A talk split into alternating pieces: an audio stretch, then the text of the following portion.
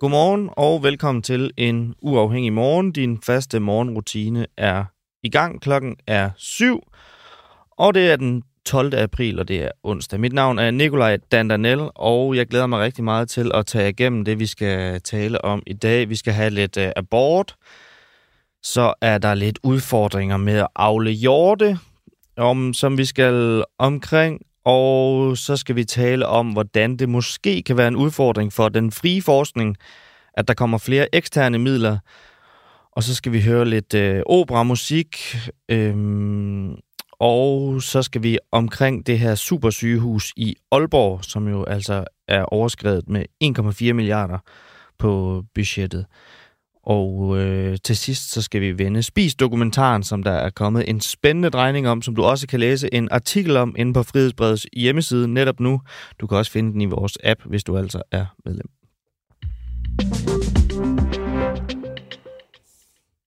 Er børn selv i stand til at vælge, om de skal have en abort? Enhedslisten ønsker, at børn ned til 15 år selv skal kunne bestemme, om de vil have en abort, uden forældrene skal blande sig i det. Peter Velblund, sundhedsordfører for Enhedslisten. Godmorgen. Godmorgen. Hvorfor skal børn selv have lov at beslutte, om de vil have en abort eller ej? Jamen, det er jo grundlæggende, fordi det er deres egen beslutning. Altså, unge ned til 15 øh, kan jo dyrke sex. Altså, en seksuel lavalder er jo 15. Øh, og man kan sige, en, øh, en for nogen utilsigtet konsekvens af, af sex, det er jo en, øh, en uønsket graviditet. Mm. Øh, og derfor så er det jo i sidste ende en beslutning, som den unge selv skal tage.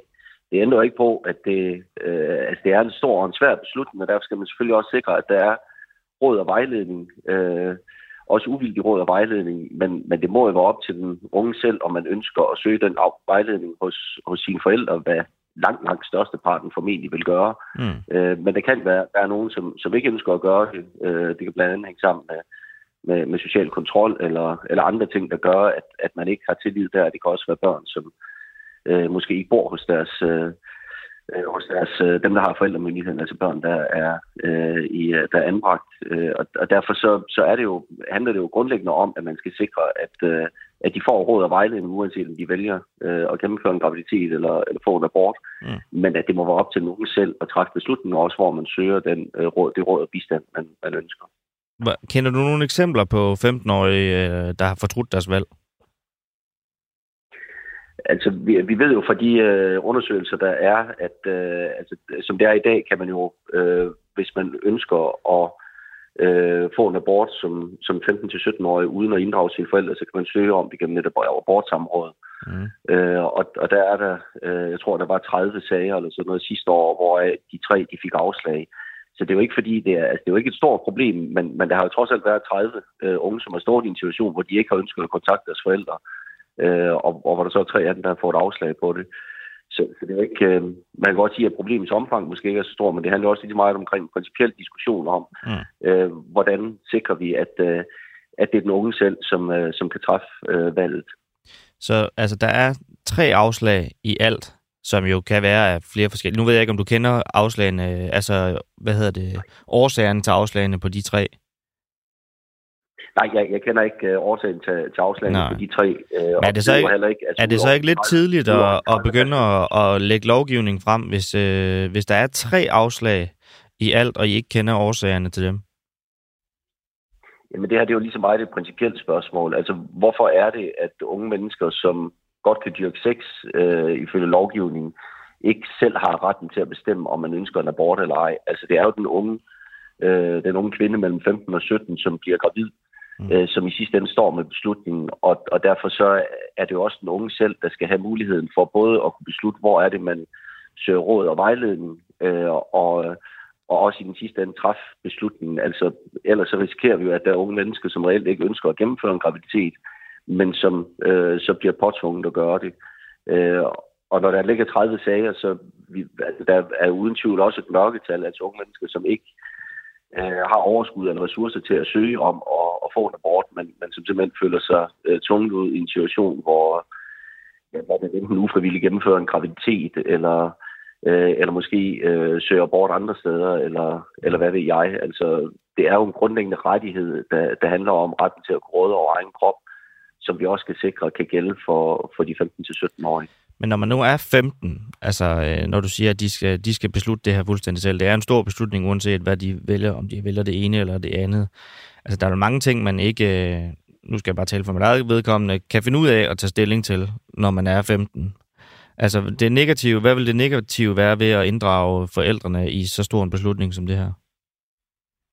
Jamen, som sagt, så tror jeg også langt, langt de fleste vil inddrage forældre. Det er jo det, det helt naturlige øh, trygge sted at gå hen og få råd og vejledning. Men, men det ændrer ikke på, at der kan være nogen, som mm. øh, af forskellige årsager ikke ønsker lige præcis at gå der. Og skal vi så sige, jamen det skal de tvinges til, mm. øh, med de negative konsekvenser, det kan have. Ja. Øh, eller, eller skal vi simpelthen sige, at de skal tvinges til at gennemføre en graviditet? Altså det har jeg simpelthen grundlæggende svært ved at se, hvorfor vi skulle gøre. Altså den seksuelle lavalder er 15. Det er velkendt, at hvis du dyrker sex, så kan du blive gravid. Øh, og, og der må, må vi også sikre, at de unge har den mulighed for selv at kunne, kunne håndtere øh, den graviditet, men selvfølgelig sikre, at der er mulighed for råd og vejledning, også for dem, der ikke ønsker at gå til deres forældre. Du siger, det er, det er principielt. Øhm, så tænker jeg bare på, øh, når du nu siger 15 år, hvorfor en, øh, en 14-årig, hvorfor skal de så ikke have lov til selv at bestemme? Jamen det er, for det første er det jo sådan i sundhedslovgivningen, at øh, det er ved 15 år, at man får øh, retten til at kunne øh, give informeret samtykke til, til behandling. Øh, og for det andet så er den seksuelle lavalder er jo øh, på 15, øh, og derfor så er det jo naturligt, at der er øh, en sammenhæng i forhold til det. Øh, så, så i forhold til det rent lovgivningsmæssige, så er det jo naturligt at sige, at, at der hvor den seksuelle lavalder ligger... Men nu foreslår øh, I jo at lave lovgivning om i, i forvejen, ikke fordi jeg siger, at det, det skal indebære, at man laver den seksuelle lavalder lavere, men en 14-årig, som jo så altså, er kommet i den situation, at vedkommende er blevet gravid. Hvad hvis deres forældre siger, at de ikke må få en abort? Hvad skal de så gøre? Jamen, nu, det forslaget her retter sig i forhold til at sige, at der bør være en ensartethed i forhold til den seksuelle lavalder og det at få en abort. Og jeg mener, jeg har ikke selv kendskab til, til 14-årige, øh, som, som, øh, som bliver gravide. Men, men du sagde selv før, at der, at der var helt sikkert et mørketal. Det kunne der vel også være for 14-årige, når der nu er nogen for 15-årige. Så er det, men så er det jo også tale om, at det er en, en social øh, begivenhed, og en social, altså en sag for de sociale myndigheder øh, og, og bistå der. Mm. Øh, så, så derfor så, så synes jeg, at altså, det naturlige er jo at sige, at der, hvor du har grænsen for den seksuelle lavalder, det er også der, hvor du har øh, grænsen for, for abort, og det er der, hvor vi har grænsen i forhold til, hvor du som man vurderer, at du som ung er i stand til at kunne give et informeret samtykke til behandling i sundhedsvæsenet. Men selvom den seksuelle lavalder nu er, er 15, øh, Peter Velblom, altså hvad vil det negative være ved, at den 14-årige selv kunne få lov at bestemme, at vedkommende vil have en abort? Jamen, det er jo fordi, den grundlæggende, det grundlæggende skæld, vi ligger, det, det ligger ved 15 år. Der skal man jo lægge grænsen øh, et sted i forhold til det, og der synes jeg, at øh, at når vi taler om Jamen, det, det jeg øh, mener, det... mennesker under, under 15. Jamen, jeg forstår godt det principielle spørgsmål. Det, jeg siger bare, at du bliver også nødt til at tage øh, praktikken ind i forhold til det her. Øh, og der, der ligger vi jo en, en grænse i forhold til det. Og når vi snakker om øh, unge øh, under 15 år, hvor vi siger, at, øh, at de ikke er i stand til at kunne give et informeret samtykke til behandling i sundhedsvæsenet, så vil det jo være underligt, hvis vi laver en særregel i forhold til det. Altså der siger vi jo, at, mm. at det, så er det en, en sag for for de sociale myndigheder at, at gå ind, fordi der vurderer vi ikke, at der er man i stand til også at kunne give et selvstændigt informeret samtykke til behandling i sundhedsvæsenet. Alright. Peter Velblom, sundhedsordfører i Enhedslisten. Tusind tak, fordi du havde tid til at være med her til morgen. Selv tak. Og godmorgen til dig, kære lytter. Der er flere af jer, der skriver godmorgen. Jakob Lund, Susanne Kjellerup, Gitte Johansen og John Lauge skriver alle sammen godmorgen. Rigtig meget godmorgen til jer alle sammen. Øh, vi skal lige næve øh, forbi en øh, nyhed, inden vi går videre til den næste kilde, øh, som jeg tabte kæben over, da jeg læste i går. Det er børsen, der skriver, at Mette Frederiksens prisloft har udbetalt 192 millioner kroner i lån. Og samtidig med det, så har det kostet 145 millioner at administrere. Det her prisloft, det var en øh, sådan håndsrækning til borgere, der blev ramt af tårnhøje energiregninger, og øh, så var der et øh, politisk flertal, der, øh, der, der nu efter det her øh, har besluttet at hastebehandle øh, en ændring af ordningen for at undgå en markant gebyrregning øh, Øh, til dem, der har brugt den øh, hos de 50 energiselskaber, som ordningen omfatter. Men altså helt ærligt, 145 millioner for at administrere lån på 192 millioner kroner. Det er jo ikke engang sådan, at det er for at få 192 millioner i indtægt. Det er for at administrere lån for 192 millioner.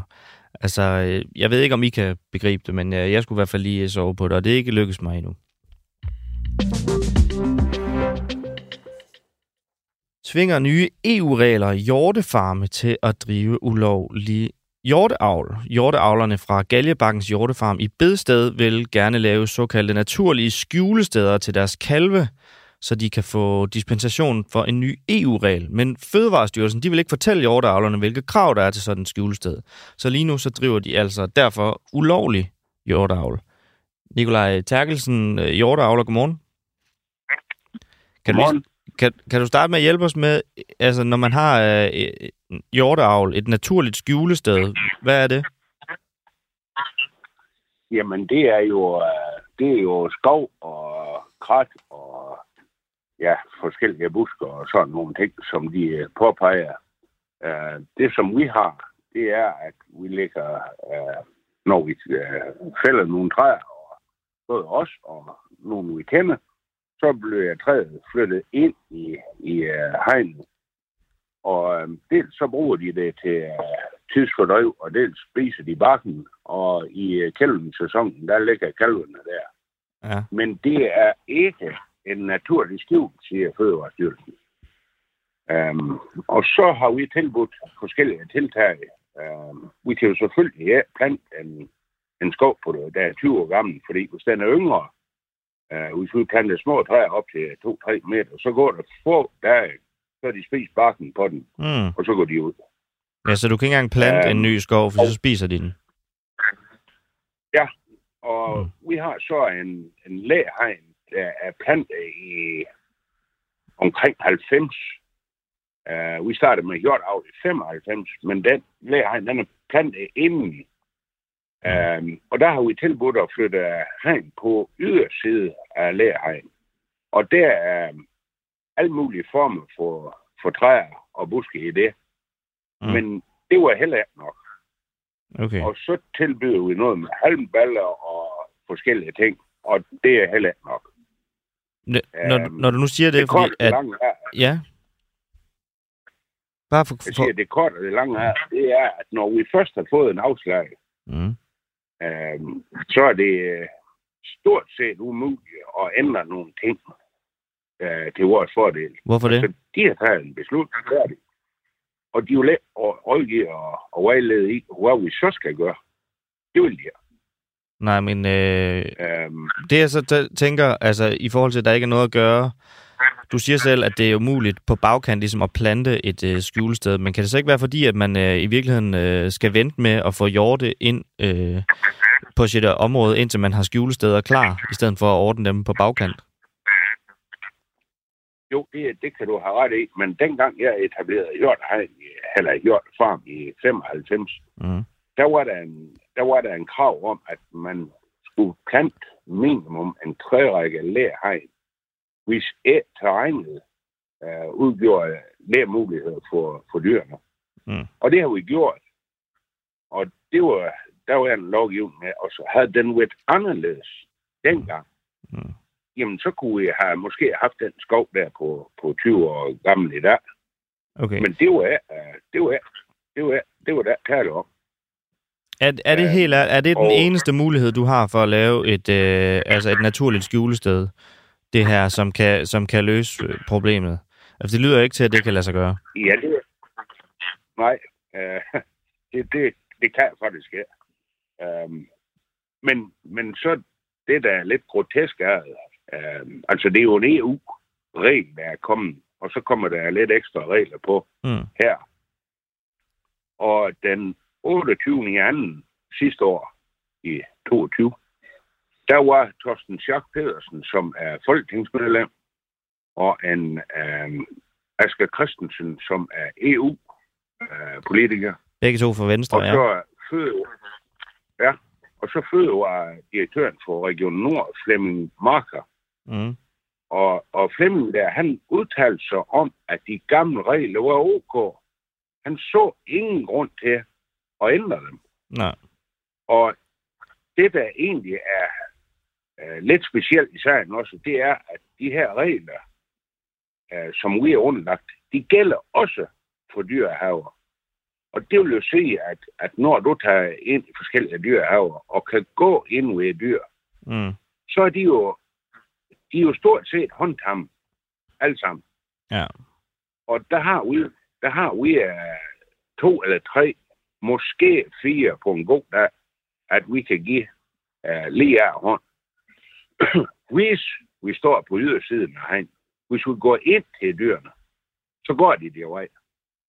Men det er fordi, de har en tryghed ved, at, uh, at hegnet er der, og de har fået masser af rød og gulerød skralding og kartoffelskralding og sådan noget her inden for køkkenet. Mm. Og de er simpelthen vant til at få det. Og lige netop det, at vi kunne, øhm, at vi kunne håndfodre de få, jamen det var, det var fødevaren lige ved at, eller de to repræsentanter, der var her, de var lige ved at gå i svim over, at, at hvor, hvor dyr de var håndtam. Mm. Og det var så øh, maks 4 ud af, på daværende tidspunkt, 60 dyr. Mm.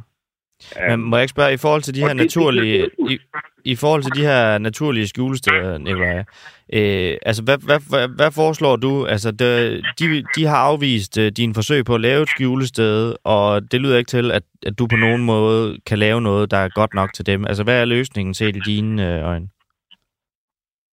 Jamen, det er jo at sætte øremærker i. Okay. Og det er ligesom om, at sætte øremærker i, jamen så er alt glemt. Mm. Så- Øhm, Ja. Så har de ikke og brug for det- skjulesteder Og det længere. med, jeg af.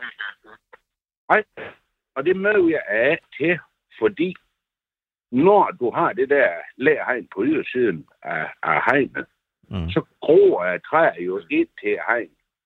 Og øh, hjort, de står op med de her forben en, cirka en halv meter op i hegn. Og så kan de stikke hovedet igennem op i halvanden meters højde cirka. Mm.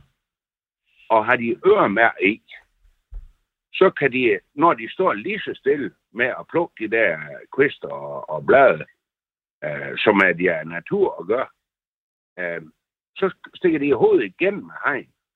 Men mister de fodfæste, eller de bliver bange af en eller anden årsag, så hopper de jo bare væk, og de er jo hammerne hurtige. Og så hænger øremærket tilbage i hegn. Det er simpelthen at ører, der, dem bliver flænset op. Og så hænger der sådan to, to lapper ud. Og de, de har jo meget tynde ører.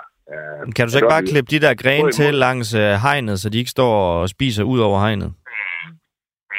Jamen, det, kan, det, er, det er næsten umuligt at mærke. Det er næsten umuligt at gøre. Nå. Um, og, og, og det der med, at de får røde ører med, det er simpelthen dyrmishandel. Og det Men- med, jeg er til.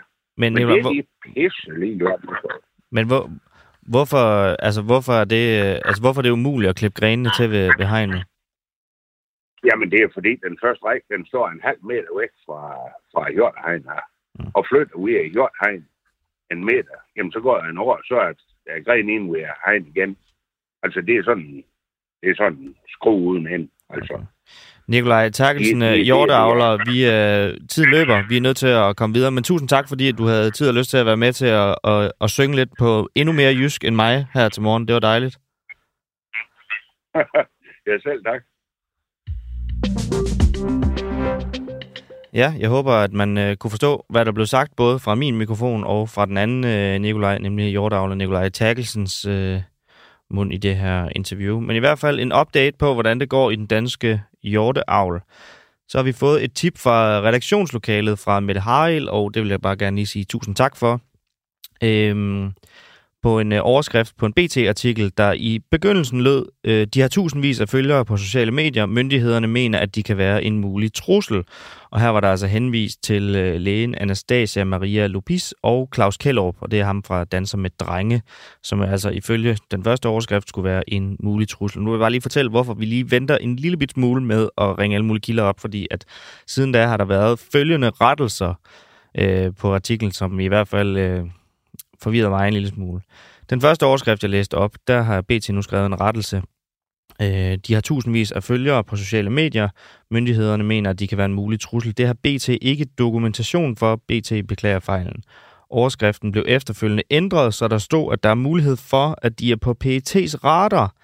Men det har BT heller ikke belæg for. BT har derfor fjernet påstanden fra artiklens rubrik og brødtekst. BT omtaler i efterretningstjenestens seneste trusselsvurdering indirekte trusselspåvirkning fra for eksempel hård retorik og fjendtlige indlæg på sociale medier, der ifølge PET kan øge risikoen for voldelige anti- antimyndighedsekstremisme, som blandt andet har taget udgangspunkt i modstanden mod myndighedernes håndtering af covid-19. BT har dog ikke dokumentation for, at opslag på sociale medier fra hverken Anastasia eller Claus Kellerup er PT opfattet som indirekte trusselspåvirkning. Så i hvert fald tusind tak for tip, men øh, det lyder til, at der er gået en lille smule kage i, øh, i den her, så derfor så venter vi lige lidt med at gå videre dernede af. Er det et problem for den frie forskning, at der kommer flere eksterne finansieringer i øh, forskningsverdenen. Information skrev i hvert fald i går, at finansieringen fra eksterne, og når vi siger eksterne, så er det altså primært øh, private, såsom fonde, at det er steget med over 50 procent siden 2011. I samme periode er de øh, offentlige basismidler, som det hedder, kun steget med 14 procent. Øhm, og øhm, det, at de private finansieringer på den her måde ligesom øh, stikker af fra de offentlige, det skulle skabe en række udfordringer. Jeppe Wohlert, fagchef i Tænketanken DEA, hvad er din største bekymring? Godmorgen. Godmorgen. Jamen, øh, jeg kan sige, øh, vi har jo lavet en analyse af de eksterne midlers øh, øh, negative konsekvenser for forskningen. Øh, og indledningsvis vil jeg lige sige, at den eksterne finansiering af Steners forskning har været en afgørende økonomisk forudsætning for, at universiteterne kunne løfte både kvalitet og volumen af de danske forskningsmiljøer. Mm. Øh, men hvis jeg skulle pege på, hvad vi er mest bekymrede for, jamen, så er det de her 42 procent af forskerne på danske universiteter, som, øh, som svarer i vores spørgeskemaundersøgelse, at for at forbedre deres chancer for at få flere bevillinger, har de sat sig på sikre idéer, hvor der var en god chance for at kunne publicere resultaterne. Mm. Det med at sætte sig på sikre idéer, øh, det er bekymrende, fordi det er ikke noget, som øh, er befordrende for risikovillighed, som er afgørende for, at vi kan få den her, øh, som vi siger, nybrudsforskning, som kan bane vejen for videnskabelige nybrud, erhvervsmæssige styrkepositioner øh, og længere ned ad vejen løsninger på vores udfordringer i samfundet. Ja, men det er vel øh, i sin sagens natur egentlig rationelt nok at tænke over, når man er ung studerende, om man øh, kan få en, en sikker ansættelse, eller hvordan? Undskyld, den skal lige forstå igen. Jamen altså, du siger, at en af udfordringerne, det kan være, at de her unge dimittenter her, altså der siger du, at 42 procent af dem svarer, at de for, for, for forbedre deres chance for deres muligheder for ansættelse, øh, så sigter de efter, sig, nu kan jeg ikke huske den præcise formulering, men så sigter de, sigter de efter sikre øh, ansættelser. Altså det lyder da egentlig meget fornuftigt.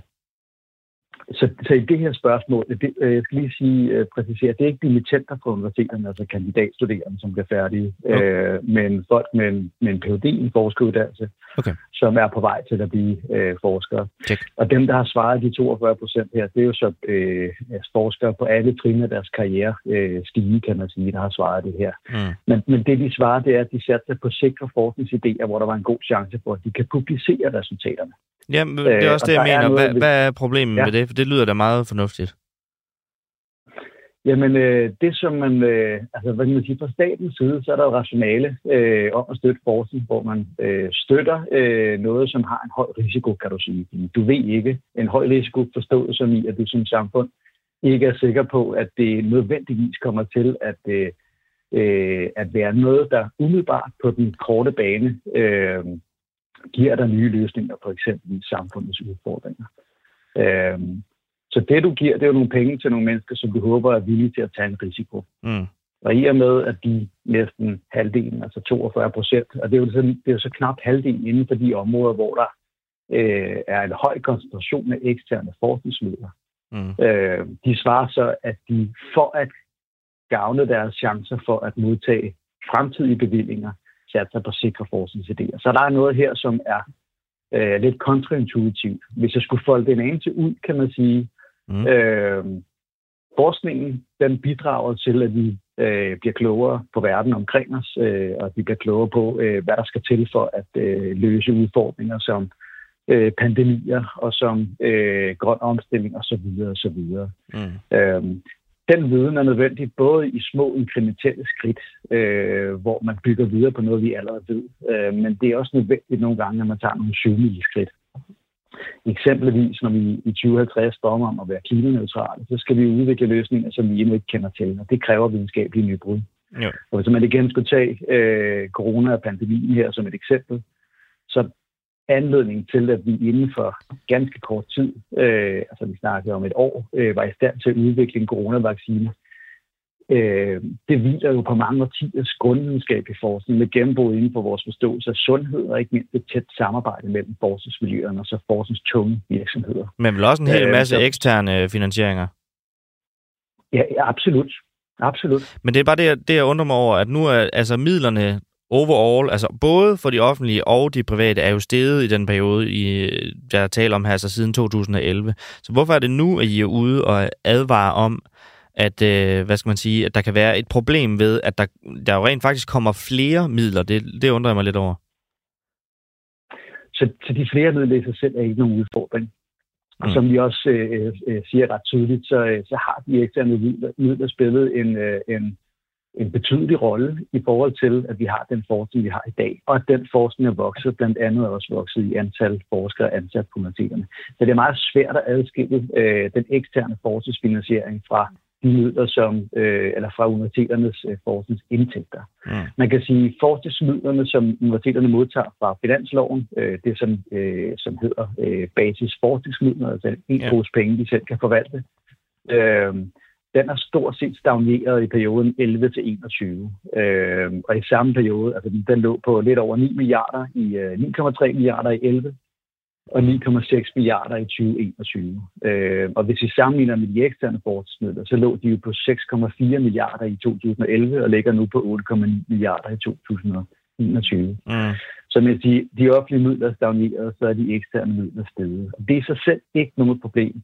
Øh, det, som vi påpeger, øh, det er, at der kan være, altså ligesom, øh, nu bruger vi så lægemiddelsmetaforer, ligesom man med et lægemiddel øh, har en, en sæd, der følger med med en deklaration over potentielle bivirkninger, så har ja. vi haft en interesse i at gå ind og sige, jamen, øh, tidligere studier her blandt vores egne, men bestemt også andre, har peget på, at den her betydelige øh, stigning i de eksterne midler kan medføre, øh, og streg, sætter streg under, kan, kan medføre en mm. række uhensigtsmæssige konsekvenser.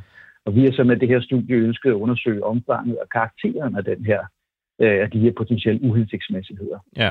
Så, øh, så det er ikke fordi, at vi lige pludselig stopper op øh, nu og tænker, hold nu op, det nej, nej. ser helt galt ud, og derfor så, øh, så, så maler vi fanden på væggen. Nej, overhovedet ikke. Det er mere for at forstå, øh, der er jo ikke nogen, øh, inklusiv øh, private og offentlige forskningsfinansierede fonde, eller virksomheder, mm. som støtter forskning. Jeg er svært at tro, at nogle af dem har interesse i, at nogle af de her øh, uhensigtsmæssige konsekvenser kommer, øh, kommer til at øh, finde sted.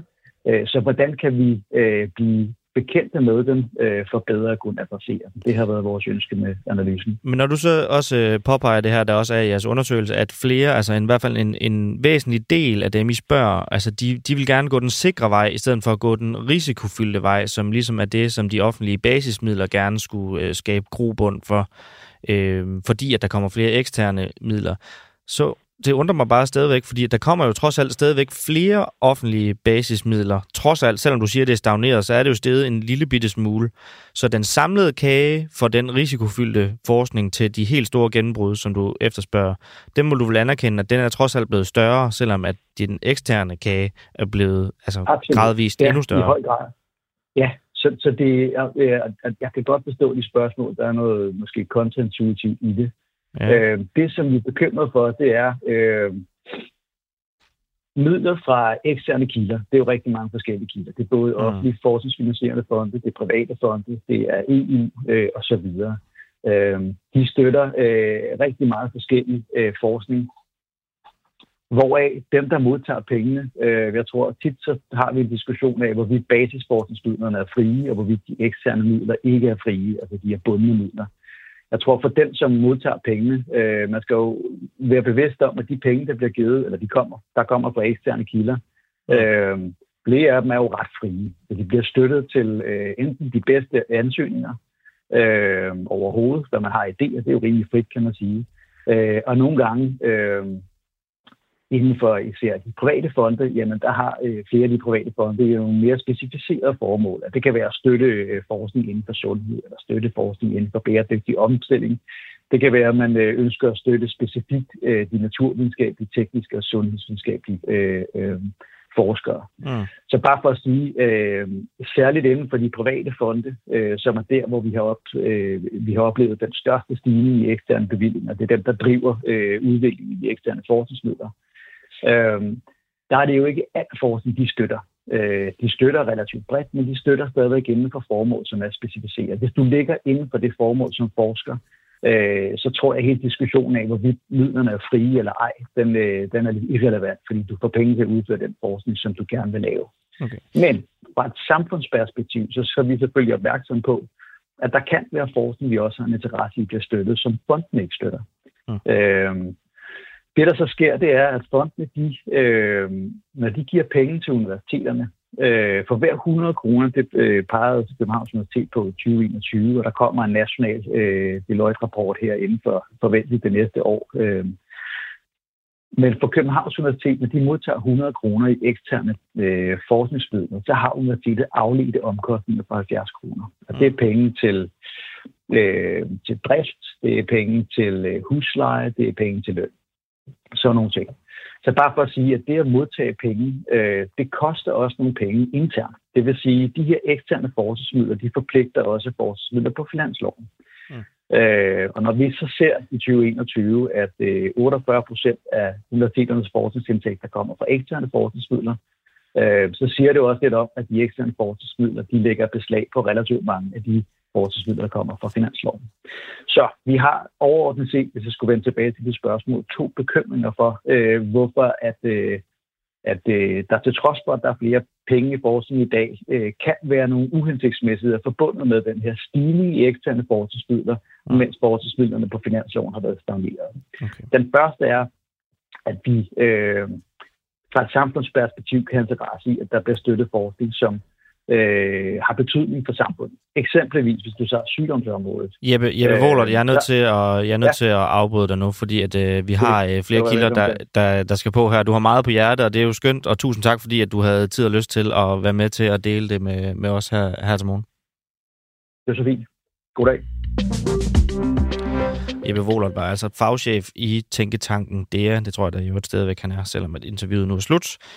Og så vil jeg bare minde dig om derude, at det er snart sidste chance for at komme tæt på de usynlige magthavere i minkskandalen og stå ansigt til ansigt med departementchef Barbara Bertelsen og rigspolitichef Torkil Fode, hvis du skulle have lyst til det. Det kan du nemlig, hvis du besøger Magtens Voksmuseum, som er en udstilling af 10 life-size øh, voksdukker af de 10 embedsmænd, der fik kritik i Minkkommissionens rapport. Det er gratis, hvis du er medlem, og det koster jo altså 79 kroner at være medlem, og det kan du blive på øh, Frihedsbredets hjemmeside, og så får du også adgang til vores app med alle vores artikler og vores podcasts. Øhm, og hvis du gerne vil ind dernede, så koster det 99 kroner. Udstillingen den løber frem til den 15. april. Du finder både adressen og mere info om øh, åbningstider og grupperabat på frihedsbredet.dk-magtens voksmuseum.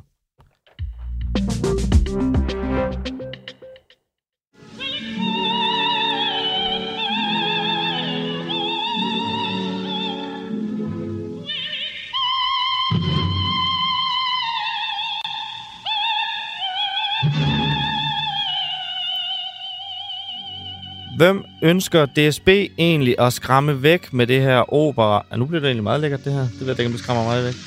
Nå. Men hvem ønsker DSB egentlig at skræmme væk med opera og musak rundt omkring på deres øh, stationer? På 14 togstationer i Danmark, der afspiller DSB høj musik for at forhindre, at såkaldte utryd, utryghedsskabende grupper bruger stationerne som varmestue. Og det nye, så, det nye er, at øh, der er kommet en station mere på. Det er nemlig i Herning. Og øh, der kan det altså også lige i øjeblikket lyde sådan her.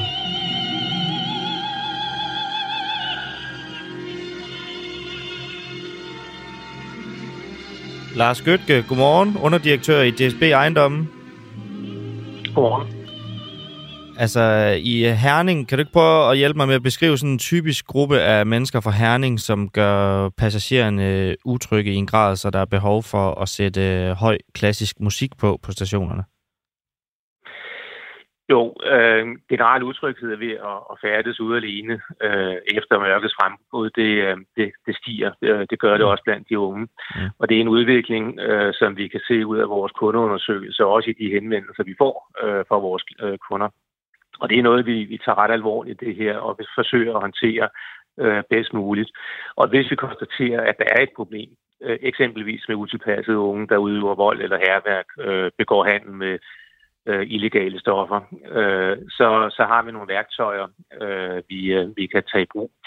Og vi skal så også være opmærksom på, at i nogle tilfælde, så er der faktisk grupperinger af unge mennesker, øh, der øh, i ordet sådan lidt overført forstand faktisk sætter sig øh, på vores stationer og forsøger sådan at overtage stationen ved at både chikanere og bortvise vores kunder og også vores medarbejdere, og det kan vi naturligvis ikke leve med. Mm. Øh, DSB er for alle, øh, men stationen det er ikke et værested for, for utilpassede unge, der ikke kan opføre sig øh, ordentligt og som gør andre utilpasse og, og bange. Øh, og jeg tror, at de uh, unge mennesker øh, i virkeligheden mangler nogle fritidstilbud, øh, måske et job eller en uddannelse, men det er jo så ikke en opgave for, for os, for DSB at løse. Vi, uh, vi er et togselskab, vi er et transportselskab, vi er sat i verden for at, uh, at køre med tog. Øh, vi har så øvrigt et ret øh, godt og øh, tæt samarbejde, både med, med politi og SSP. Øh, men fællesnævneren for, øh, for os tre er jo, at vi kan ikke være til stede på, på alle vores stationer øh, hele tiden. Vi har 300 stationer. Så derfor har vi øh, iværksat forskellige tiltag, øh, og, og to af dem er, øh, blandt andet øh, musikken. Øh, det er et af de værktøjer, øh, vi, øh, vi ved, det skaber øh, tryghed, men vi ved også, at det samtidig er til scene for øh, kunder og medarbejdere. Og det er jo så en balance, øh, som vi løbende øh, tager stilling til og evaluere på, og som vi bruger. Er du, øh, må, må jeg spørge om noget, Lars Gytke? Du siger, at ja. du ved, I, I ved, at musikken skaber tryghed. Øh, hvor ved det fra? Jamen det kan vi se, øh, det kan vi se ud af vores kundemålinger. Vi kan også se øh, helt konkret, at når, når vi anvender øh, musikken, så gør vi det i de tilfælde, hvor vi kan konstatere, at nu er der et behov for øh, at så øh, sætte musikken på. Og der, er vi, der kan vi se, øh, at øh, det har en effekt i forhold til de øh, personer, som vi ikke ønsker, der skal opholde sig på, øh, på stationerne. Mm. Jeg kan så øvrigt også give dig et andet eksempel, og det er, at øh, inde på, på Københavns Hovedbanegård, øh, der havde vi faktisk for, for år tilbage øh, musik ved indgangen ud mod Revnløvsgade, altså mm. mod Vesterbro. Ja. Øh, og hvor der var øh, store problemer øh, med narkohandel øh, omkring det her indgangsparti. Og der etablerede vi, øh, og der, der, der, der satte vi øh, musikken på. Øh, det virkede, men vi gjorde så noget andet bagefter, og som i virkeligheden havde en bedre effekt. Øh, og det er jo også det, vi, vi jo gerne vil på, på mange andre øh, stationer, det er at skabe et godt liv. Så det vi gjorde her, det var, at vi etablerede en mindre butikslokale, øh, hvor et, øh, en bager øh, rykkede ind, og øh, den pågældende øh, har en fin forretning derinde i dag, øh, og det har så øvrigt også haft øh, den øh, effekt, at øh, vi simpelthen har kunnet konstatere, at det her narkohandel er så rykket øh, væk fra, fra stationsområdet. Det er, når du siger, at øh, I sætter musikken ind, når I kan se, at der er konkret behov for det. Lad os, hvis vi tager udgangspunkt i Herning, altså hvad er det præcist, hvad har I konkret set, som gør, at nu, nu, er, der, nu er der nødt til at komme musik også i Herning? Jamen, der har, været, der har vi simpelthen kunnet konstatere, at der har været et behov øh, for at og, hvad hedder det, anvende musikken som et af de værktøjer, som, øh, som vi, vi bruger øh, i forhold til at øh, få det her utrygs, øh, utrygskabende miljø væk fra, øh, fra stationerne. Lars Gøtke, underdirektør i DSB Ejendom. Tusind tak, fordi du havde tid og lyst her til morgen. Ja, velkommen. Tak skal du have.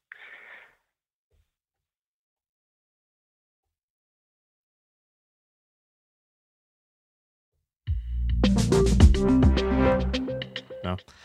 Vi øh, skal lige forbi en øh, enkelt nyhed mere. Det er nemlig, at der har været mange historier i løbet af det seneste stykke tid omkring øh, import af olieholdigt spildevand, altså drønbeskidt olie, øh, olievand, som Danmark har importeret specielt fra Norge. Men det vil Danmark øh, for fremtiden nu sige nej til. Øh, det skriver Miljøministeriet i en pressemeddelelse efter, at øh, ministeriet har været i dialog med EU-kommissionens juridiske eksperter. Øh, men det er ikke noget, der stopper lige med det samme, fordi det gælder altså kun for fremtiden. Så dem, der har en aftale øh, for nuværende om at importere specielt norsk øh, spildevand, øh, det er der en aftale om i, i Slagelse Kommune. Øh, og øh, det, det fortsætter altså i 2,5 år, altså to og et halvt år endnu. Og øh, det bliver der ikke sat noget ind for fra Miljøministeriet for at stoppe. Det er kun aftaler, der gælder for fremtiden. Så skal vi videre til øh, en af de større øh, byggeskandaler, nemlig Supersygehuset i Aalborg. Er det simpelthen så dårligt bygget, at det er nødt til at blive revet ned igen? Byggeriet af det stort anlagte supersygehus i Aalborg skulle have været færdigt i 2020, men lige nu er forventningen, at det først står færdigt i 2026, og det er så i ovenikøbet med en overskridelse af budgettet på 1,4 milliarder kroner for et byggeri. Ifølge en ny rapport om øh, byggeriet, så trænger der vand ind igennem murværket, hvorfor der er vand i 110 rum i sygehuset. Det er så et nyt byggeri, hvor der er vand i 110 rum. Dertil er isoleringen øh, flere steder gennemblødt, og på byggeriet kan det ses, at der vokser mos ud af murværket. Martin Kær, projektdirektør for Supersygehuset i Aalborg, skal vi tale med om, øh, om det, for det er nemlig interessant at høre, altså de her eksempler, der er her, altså hvordan kan det overhovedet forekomme? Men øhm, altså, det er jo alle sammen af de her nye supersygehus, som blev besluttet, at der, der skulle på. Og jeg kan huske, at Weekendavisen de havde en sådan en opsamlingsartikel for ikke så længe siden, hvor det blev beskrevet, at alt i alt, så er de til sammen nu 40 år øh, forsinket. Og øh, der blev der altså peget på, at fordi man har besluttet at bygge alle de her på samme tid, uden at man kunne nå at lære noget af det første byggeri, så står man altså nu i den kattepine, at alle de begynderfejl, der er ved at bygge så store øh, byggerier på én gang, de vælter altså ind fra, fra alle sider på samtlige byggerier lige nu. Og det er jo noget af det, der kan være med til at gøre, at vi lige nu kan se i et nyt byggeri til flere og flere milliarder, at der simpelthen er vand i 110 rum i, det, i et nyt byggeri, og det er jo et af, af seks år forsinket. Det er, det er meget, meget, meget prekært, og der vokser mos ud af, af murværket. Øhm, Vi har forbindelse til Martin Kær, som er projektdirektør for Supersygehuset i Aalborg for Region Nordjylland. Han er bare lige ved at, at dreje ind til siden. Vi skal ikke uh, forstyrre ham midt på motorvejen, så han, at han uh, kører galt. Det er derfor, jeg sidder og padler en uh, lille smule lige nu. Men jeg kan sige, at det, at det største af det samlede byggeri uh, i Nordjylland til dato, altså det her Supersygehus i Aalborg, det startede i 2013, men nu får det altså lov til at køre helt ind til 2026. Og Martin Kær, som vi skal tale med, han er så blevet projektdirektør i marts 2022, altså to år efter det egentlig skulle øh, have været færdigt, der han blev hentet ind til ligesom at prøve at se, om han kan redde stumperne sammen. Øh, det skulle have kostet 5,2 milliarder, men øh, det øh, står nu til at koste 6,6 milliarder, altså en, øh, en øget omkostning på 1,4 milliarder kroner. Så Martin Kær, projektdirektør for byggeriet Nyt Universitetshospital i Aalborg i Region Nordjylland. Godmorgen. Godmorgen. Altså, øh, sådan helt konkret, hvordan har håndværkerne kunne slippe afsted med at lave murværk, hvor fugerne ikke er fyldte, og hvor vandet øh, løber direkte igennem isoleringen? ja, det er jo det er et godt spørgsmål. Øh, ja. Det spørgsmål har jeg også stillet mig selv øh, mange gange. Øh, nu er det sådan, hvad skal man sige, meget begrænset, hvad man kan sige, øh, fordi at der selvfølgelig er gang i, uh, i forskellige ting. Øh, men sådan overordnet set, øh, så er det min vurdering, at, at det design, der er lavet, er, er uhensigtsmæssigt. Øh, udførelsen af det lige så, og, og fagtilsynet øh, det samme. Så mm. det er jo den perfekte storm, hvis man kan bruge det udtryk. Øh, det er jo ikke kun én ting, det er desværre flere ting. Er der en eneste ting, som der er gået godt? Undskyld, det, det hørte jeg ikke lige. Er der en, nu nævner du bare ting, der er gået galt. Jeg kommer bare til at stusse over. Altså, er der en, en ting, eneste ting i det her byggeri, som er gået godt, eller som det skulle? Eller? Ja. Der er mange ting. Det bliver et super flot byggeri, og, og, og det bliver et af, af Nordeuropas førende, når det engang står færdigt. Mm. Men specifikt facaden, som der spurgte ind til, nej, der er ikke særlig meget, der er godt der. Det bliver vi nødt til at være ærlige at sige. Det er der ikke. Hvornår, nu er du kommet ind øh, lidt i, i sidste øjeblik, eller hvad man skal sige, i 2022, øh, og det har været i gang i en periode. Hvornår fandt du ud af, at, øh, at nu kalder jeg det bare noget tjusk, altså det ved jeg ikke, om det er nok en underdrivelse, men hvornår fandt du ud af, at det er så gralt, som, øh, som det er beskrevet her? Men det, øh, det er rigtigt. Jeg, øh, jeg overtog øh, øh, arv og gæld, om jeg så må sige, øh, fra projektet øh, for et lille års tid siden. Mm. Øh, og byggeriet har været i gang i, i mere end 10 år.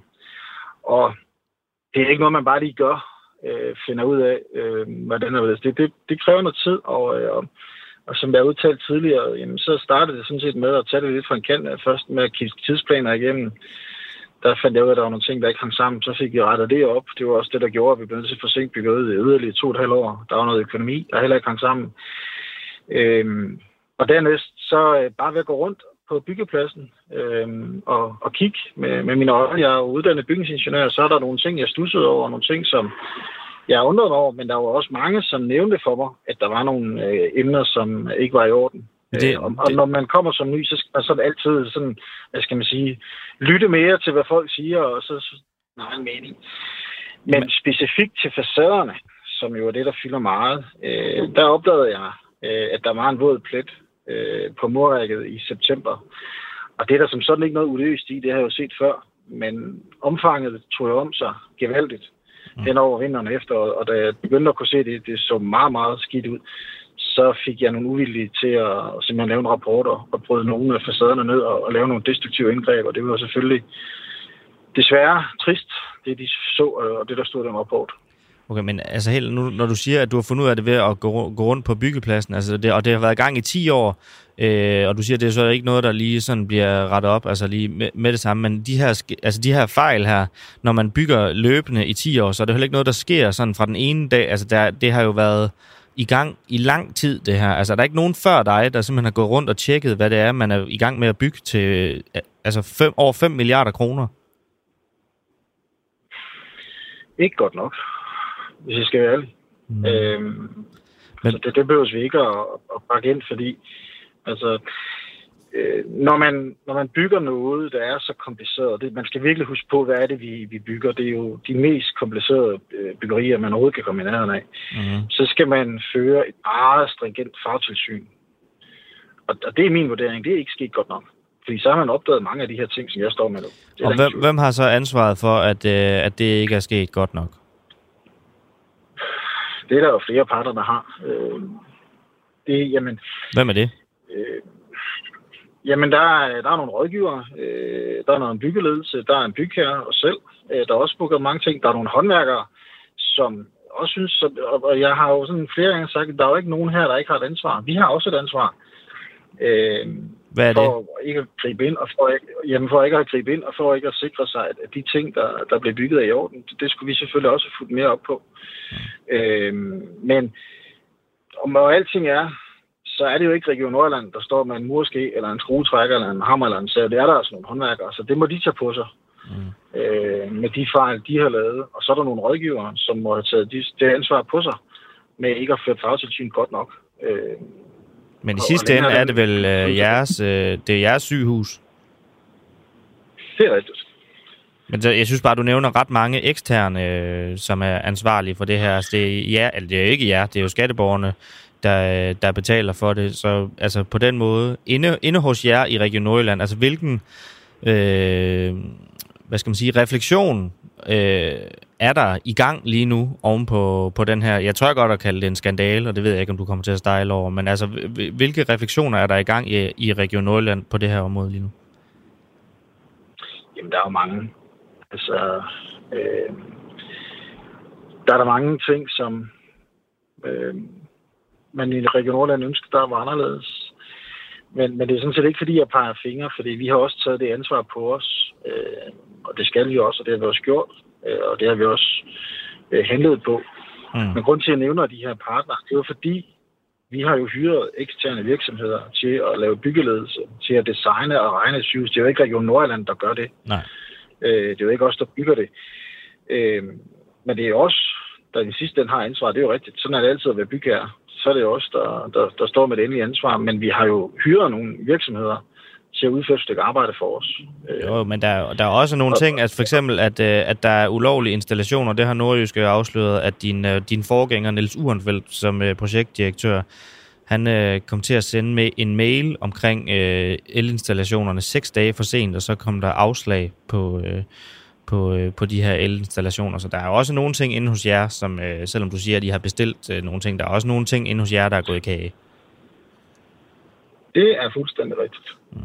Og det har vi også håndteret, og det har vi også rettet op, og der er også en grund til, at jeg er kommet til. Mm. Øhm, så der er masser af selvrensagelse og masser af, af ting, som øh, vi ville ønske, der havde været anderledes. Det kan vi ikke lave om historisk set, det kan vi gøre fremadrettet, og det er vi i fuld gang med. Hvis nu kigger på, hvor vi, hvor vi står, det skulle have været færdigt i 2020, det bliver så færdigt i 2026 i stedet for, og det med en overskridelse, som det ser ud lige nu i hvert fald. Nu er vi jo ikke øh, noget nær i 2026 endnu, på omkring halvanden milliarder kroner dyrere bliver det end forventet. De skatteborgere, de lytter, der sidder og, og lytter med, som har været med til at betale for det her byggeri, inden vi slutter, har du noget, du vil sige til dem?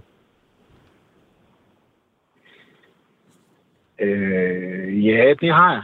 Hvad er det? Øhm, og det er, når, det er når, man, når man snakker om de her byggerier og de her meget, meget store tal. Øh, og det er vanvittigt store tal. Man skal huske på, at vi bygger noget til, lad os sige, 6 milliarder i rundtal. Det er sådan et tal til at forstå.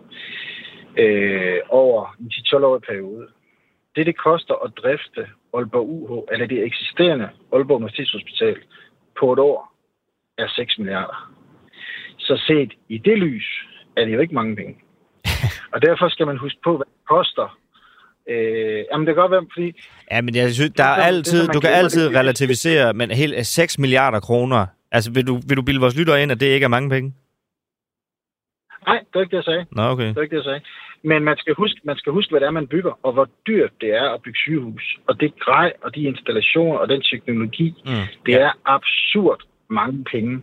Og det, det er det, man, man kan ikke sammenligne det med et boligbyggeri, eller et erhvervsbyggeri, eller alt muligt andet. Det er de mest dyre, teknologiske tunge, mest komplicerede byggerier, vi overhovedet kan komme i nærheden af. Og derfor skal man altid prøve at sammenligne det med, jamen 6 milliarder isoleret set er jo absurd mange penge. Ja. Men hvis jeg personligt, og det her det står helt for egen regning, så burde man have afsat det dobbelte til de her sygehus, fordi det er jo nogle, nogle byggerier, nogle sygehus, som vi alle sammen som personer på et eller andet tidspunkt får berøring med. Vil det sige, at det kan ende med at blive overskrevet endnu mere øh, budgettet? Altså nu er det overskrevet med halvanden milliard ud af, ud af lige godt fem. Altså når du siger, at der skulle have været det dobbelte, så er vi over 10. Er det, kan vi ende øh, endnu højere, end hvor vi er nu? Nej, nej. Det, det, nej, det håber jeg bestemt ikke. Mm. Øh, nu har jeg ikke øh, taget, øh, hvad skal man sige, facadernes øh, økonomiske konsekvenser af regning. Ej, heller de her vandrør, der også var en del om, for det vidste jeg ikke, dengang vi lavede budgettet mm. tilbage i september. Øh, og i den sidste ende, så er der jo også nogen, der får et ansvar for det her. Øh, det er jo ikke Region Nordjylland, øh, der har bestilt de her facader på den her måde her. Øh, og så går der selvfølgelig jura i det, og voldgift og alt muligt andet, så, og den tid må, må så komme. Ikke? Der er også nogen, som, som må, må, må betale øh, for det her. Vi skal nok betale vores del af regningen, øh, det er klart. Men der er også nogle eksterne samarbejdspartnere, som, som øh, har et ansvar i det her, det er der ingen tvivl om. Martin Kær, projektdirektør for byggeriet Nyt Universitetshospital Aalborg for Region Nordjylland. Tusind tak, fordi du havde var med her til morgen. Det var så lidt. Og så skal vi lige et smut til Ukraine, hvor Wagner-lederen øh, hævder at have kontrol med 80% af den meget omstridte by Bakhmut, som der har været kampe om i, jeg ved snart ikke, øh, hvor lang tid. Øhm, den private øh, lege her, altså den her militære øh, lege her, Wagner-gruppen hævder i hvert fald selv, at styrkerne nu kontrollerer mere end 80% i Ukraine, og det siger han ifølge en video, øh, Øh, som Ritzau har offentliggjort. I Bakhmut er størstedelen mere end 80% under vores kontrol, inklusiv det administrative centrum, fabrikker, varehuse, byens administration, lyder det altså. Højt rangerende repræsentanter fra det ukrainske militær, de siger helt modsat, at landets styrker holder stand mod russerne, og øh, således bevist, at det jo altså også, udover at være en krig på landjorden, er en informationskrig, vi har med at gøre. Øhm, og den her by, Bakhmut, altså det, der har været virkelig, virkelig voldsomme kampe i mange, mange måneder, og de er blandt andet blevet øh, sammenlignet med de brutale skyttegravskrige i øh, Første Verdenskrig. Øh, og for en uge siden, der sagde den ukrainske præsident øh, Vladimir Zelensky, at situationen i Bakhmut er virkelig svær, men han har flere gange afvist, at Rusland har taget kontrol med byen. Så det er altså der striden den står lige for øjeblikket. Forsøger produktionsselskab og Danmarks Radio at bagvaske en journalist? Det er et spørgsmål, der bliver forsøgt besvaret i dagens artikel her fra Frihedsbrevet. Det er vores kollega Emil Findal, der har skrevet den, som du kan læse lige nu, hvis du går ind på vores hjemmeside eller på vores app, og altså selvfølgelig er medlem. Nu skal vi tale med hovedpersonen, som har videt det sidste halvår af sit liv til at undersøge journalistikken bag. Det er dokumentaren Spis og Morgenbolledamerne. Godmorgen, Bo Østlund. Jamen, godmorgen. Øhm, du har efterhånden lavet en fem og en halv times podcast om dokumentarserien om, øh, om spis. Altså, vi nu bare lige skal starte. Øh, helt grundlæggende er det en god dokumentar, det er har udgivet om spis. Det synes jeg jo ikke. Jeg synes, den er, er fuld af fejl, desværre. Og den, øh, og, øh, og, og, og den, den ændrer en mands eftermæle på et meget, meget tyndt grundlag. Øh, Hvad? Så det, det er jo derfor, jeg går ind i, øh, ja, i det, kan man sige. Og siden du sådan, øh, nu er det mine ord, at det nærmest er helt besat og har gravet dig så meget ned i, øh, i det her, altså hvor, hvor, hvor, hvordan kan det være? Det, det er ingen besættelse. Jeg tror, det er et uh, citat fra, fra en af, af de høje her i det eller lavt. Jeg er ikke besat af noget som helst. Jamen, jeg så dokumentaren, da den kom frem, og så jeg har været journalist i 48 år, og så var der en anden alarmklokke, der ringede, så der er et eller andet galt her. Og så gik jeg ind på øh, DR's Facebook-side og, og fulgte debatten, øh, og, og folk var, var dybest set oprørte og rasende, så jeg tænkte, jeg er ikke den eneste, der har det sådan i forhold til, til, til validitet af det. Og så endte det faktisk med, at de lukkede kommentarsport om aftenen, fordi de, øh, folk var så rasende, at, at det er lukket for debatten. Mm. Øhm, så så jeg dagen efter, eller samme aften så jeg, at der var et stort uddrag af den i, øh, 21 søndag, og så hørte jeg morgenradio dagen efter på P1, hvor der var fire indslag om morgenen, og så, så tænkte jeg, det, der er en eller anden øh, og selv krigen i Ukraine var, var blevet nummer to på, på nyhederne. Og så tænkte jeg, det, det kunne være interessant at prøve at gå ind og undersøge med, med de redskaber, jeg har i min værktøjskasse fra, fra 48 år, om, om det holdt. Ja. Så det er ikke en besættelse, det, det er ren og skær interesse for mit fag. Okay. Men ja, din podcast er så blevet fjernet fra alle platforme. Øhm, og hvordan, hvis jeg nu spørger dig, altså hvad ligger der bag det? Jamen, jamen jeg kan jo kun sige, at øh, to dage efter den udkom den 13. februar, der forsøgte Lav Pibes direktør, Lav Rabia Eriksen, at, at få den fjernet, og det skrev de til mig. Og det, og det ville de så ikke dengang.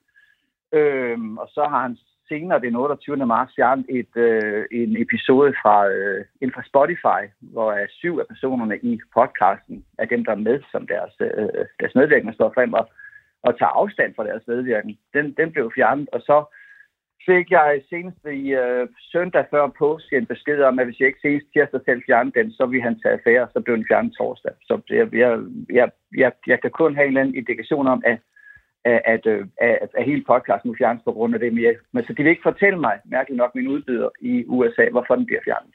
Og når, ja. når, når vi så kan sige, at, øh, hvad skal man sige, at øh, det, eller når du kan påstå, at det er Danmarks Radio og produktionsselskabet Loud People, øh, som er med også til, øh, til ligesom at presse på her. Altså, hvad, hvad bygger du det på? Fordi det er jo dig, der laver podcasten.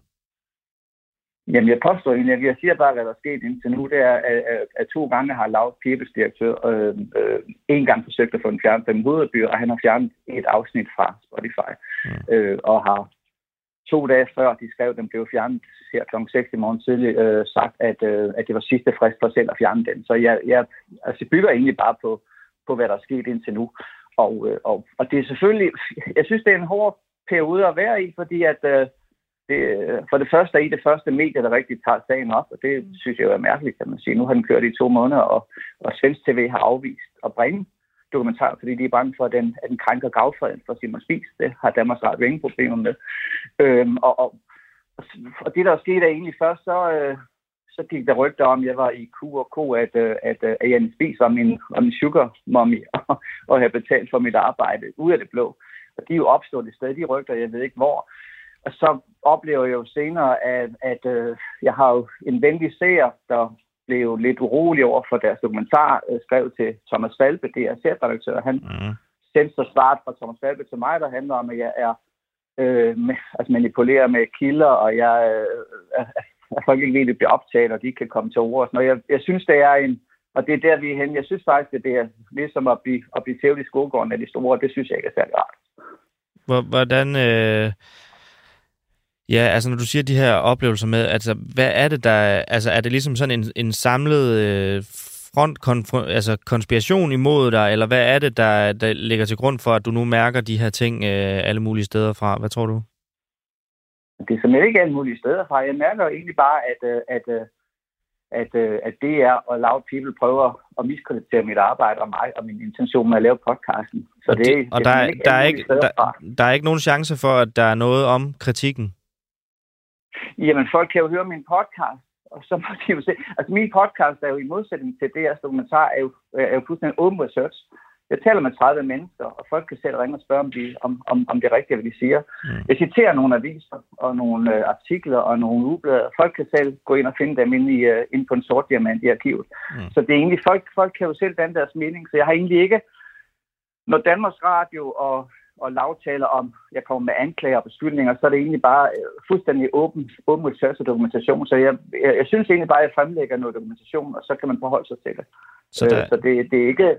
Så det er ikke sådan, jeg ser, jeg ser konspiration nogen som helst sted. Jeg, jeg, jeg, jeg fortæller egentlig bare, hvordan det er at, at stå... Øh, jeg, jeg er glad for, at jeg har så mange år i fag, og jeg er en gammel mand, der snart skal på pension. Hvis jeg er ved at 30, så har jeg hævet den podcast af for længe siden og sagt, at det her det er sgu for hårdt. Altså. Ja. Og, øh, og, øh, og, det, og, og det er op med nogle kræfter, jeg ikke rigtig kan, kan kontrollere. Altså det, det, der også sker, det er jo også, at både Loud og Danmarks Radio, de gemmer sig bag mailsvar. Det har de gjort over for mig, det har de gjort over for Kur og det har de også gjort over for jer i dagens mm. artikel, I har. Mm. Jeg, jeg synes jo, at, at, at vi journalister beder andre om at stå frem face to face og, og blive konfronteret, og det, det er så let at blive interviewet på mail. Altså. Det, jeg, jeg, kunne jo godt, jeg, jeg, jeg, når jeg ser kontant i Danmarks Radio, så vil de også gerne have folk, de, de står frem. Jeg synes, det, det med ikke at vi står frem og gemmer sig bag nogle billeder, det, det synes jeg måske er, er lidt tyndt. Bo Østlund, øh, journalist, øh, tusind tak, fordi du var, du var med her til morgen. I er velkomne.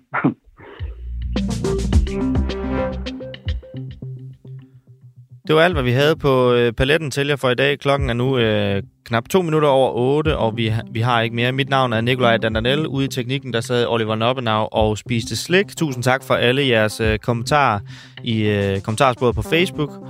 Og øh, så ses vi jo og høres ved igen i morgen.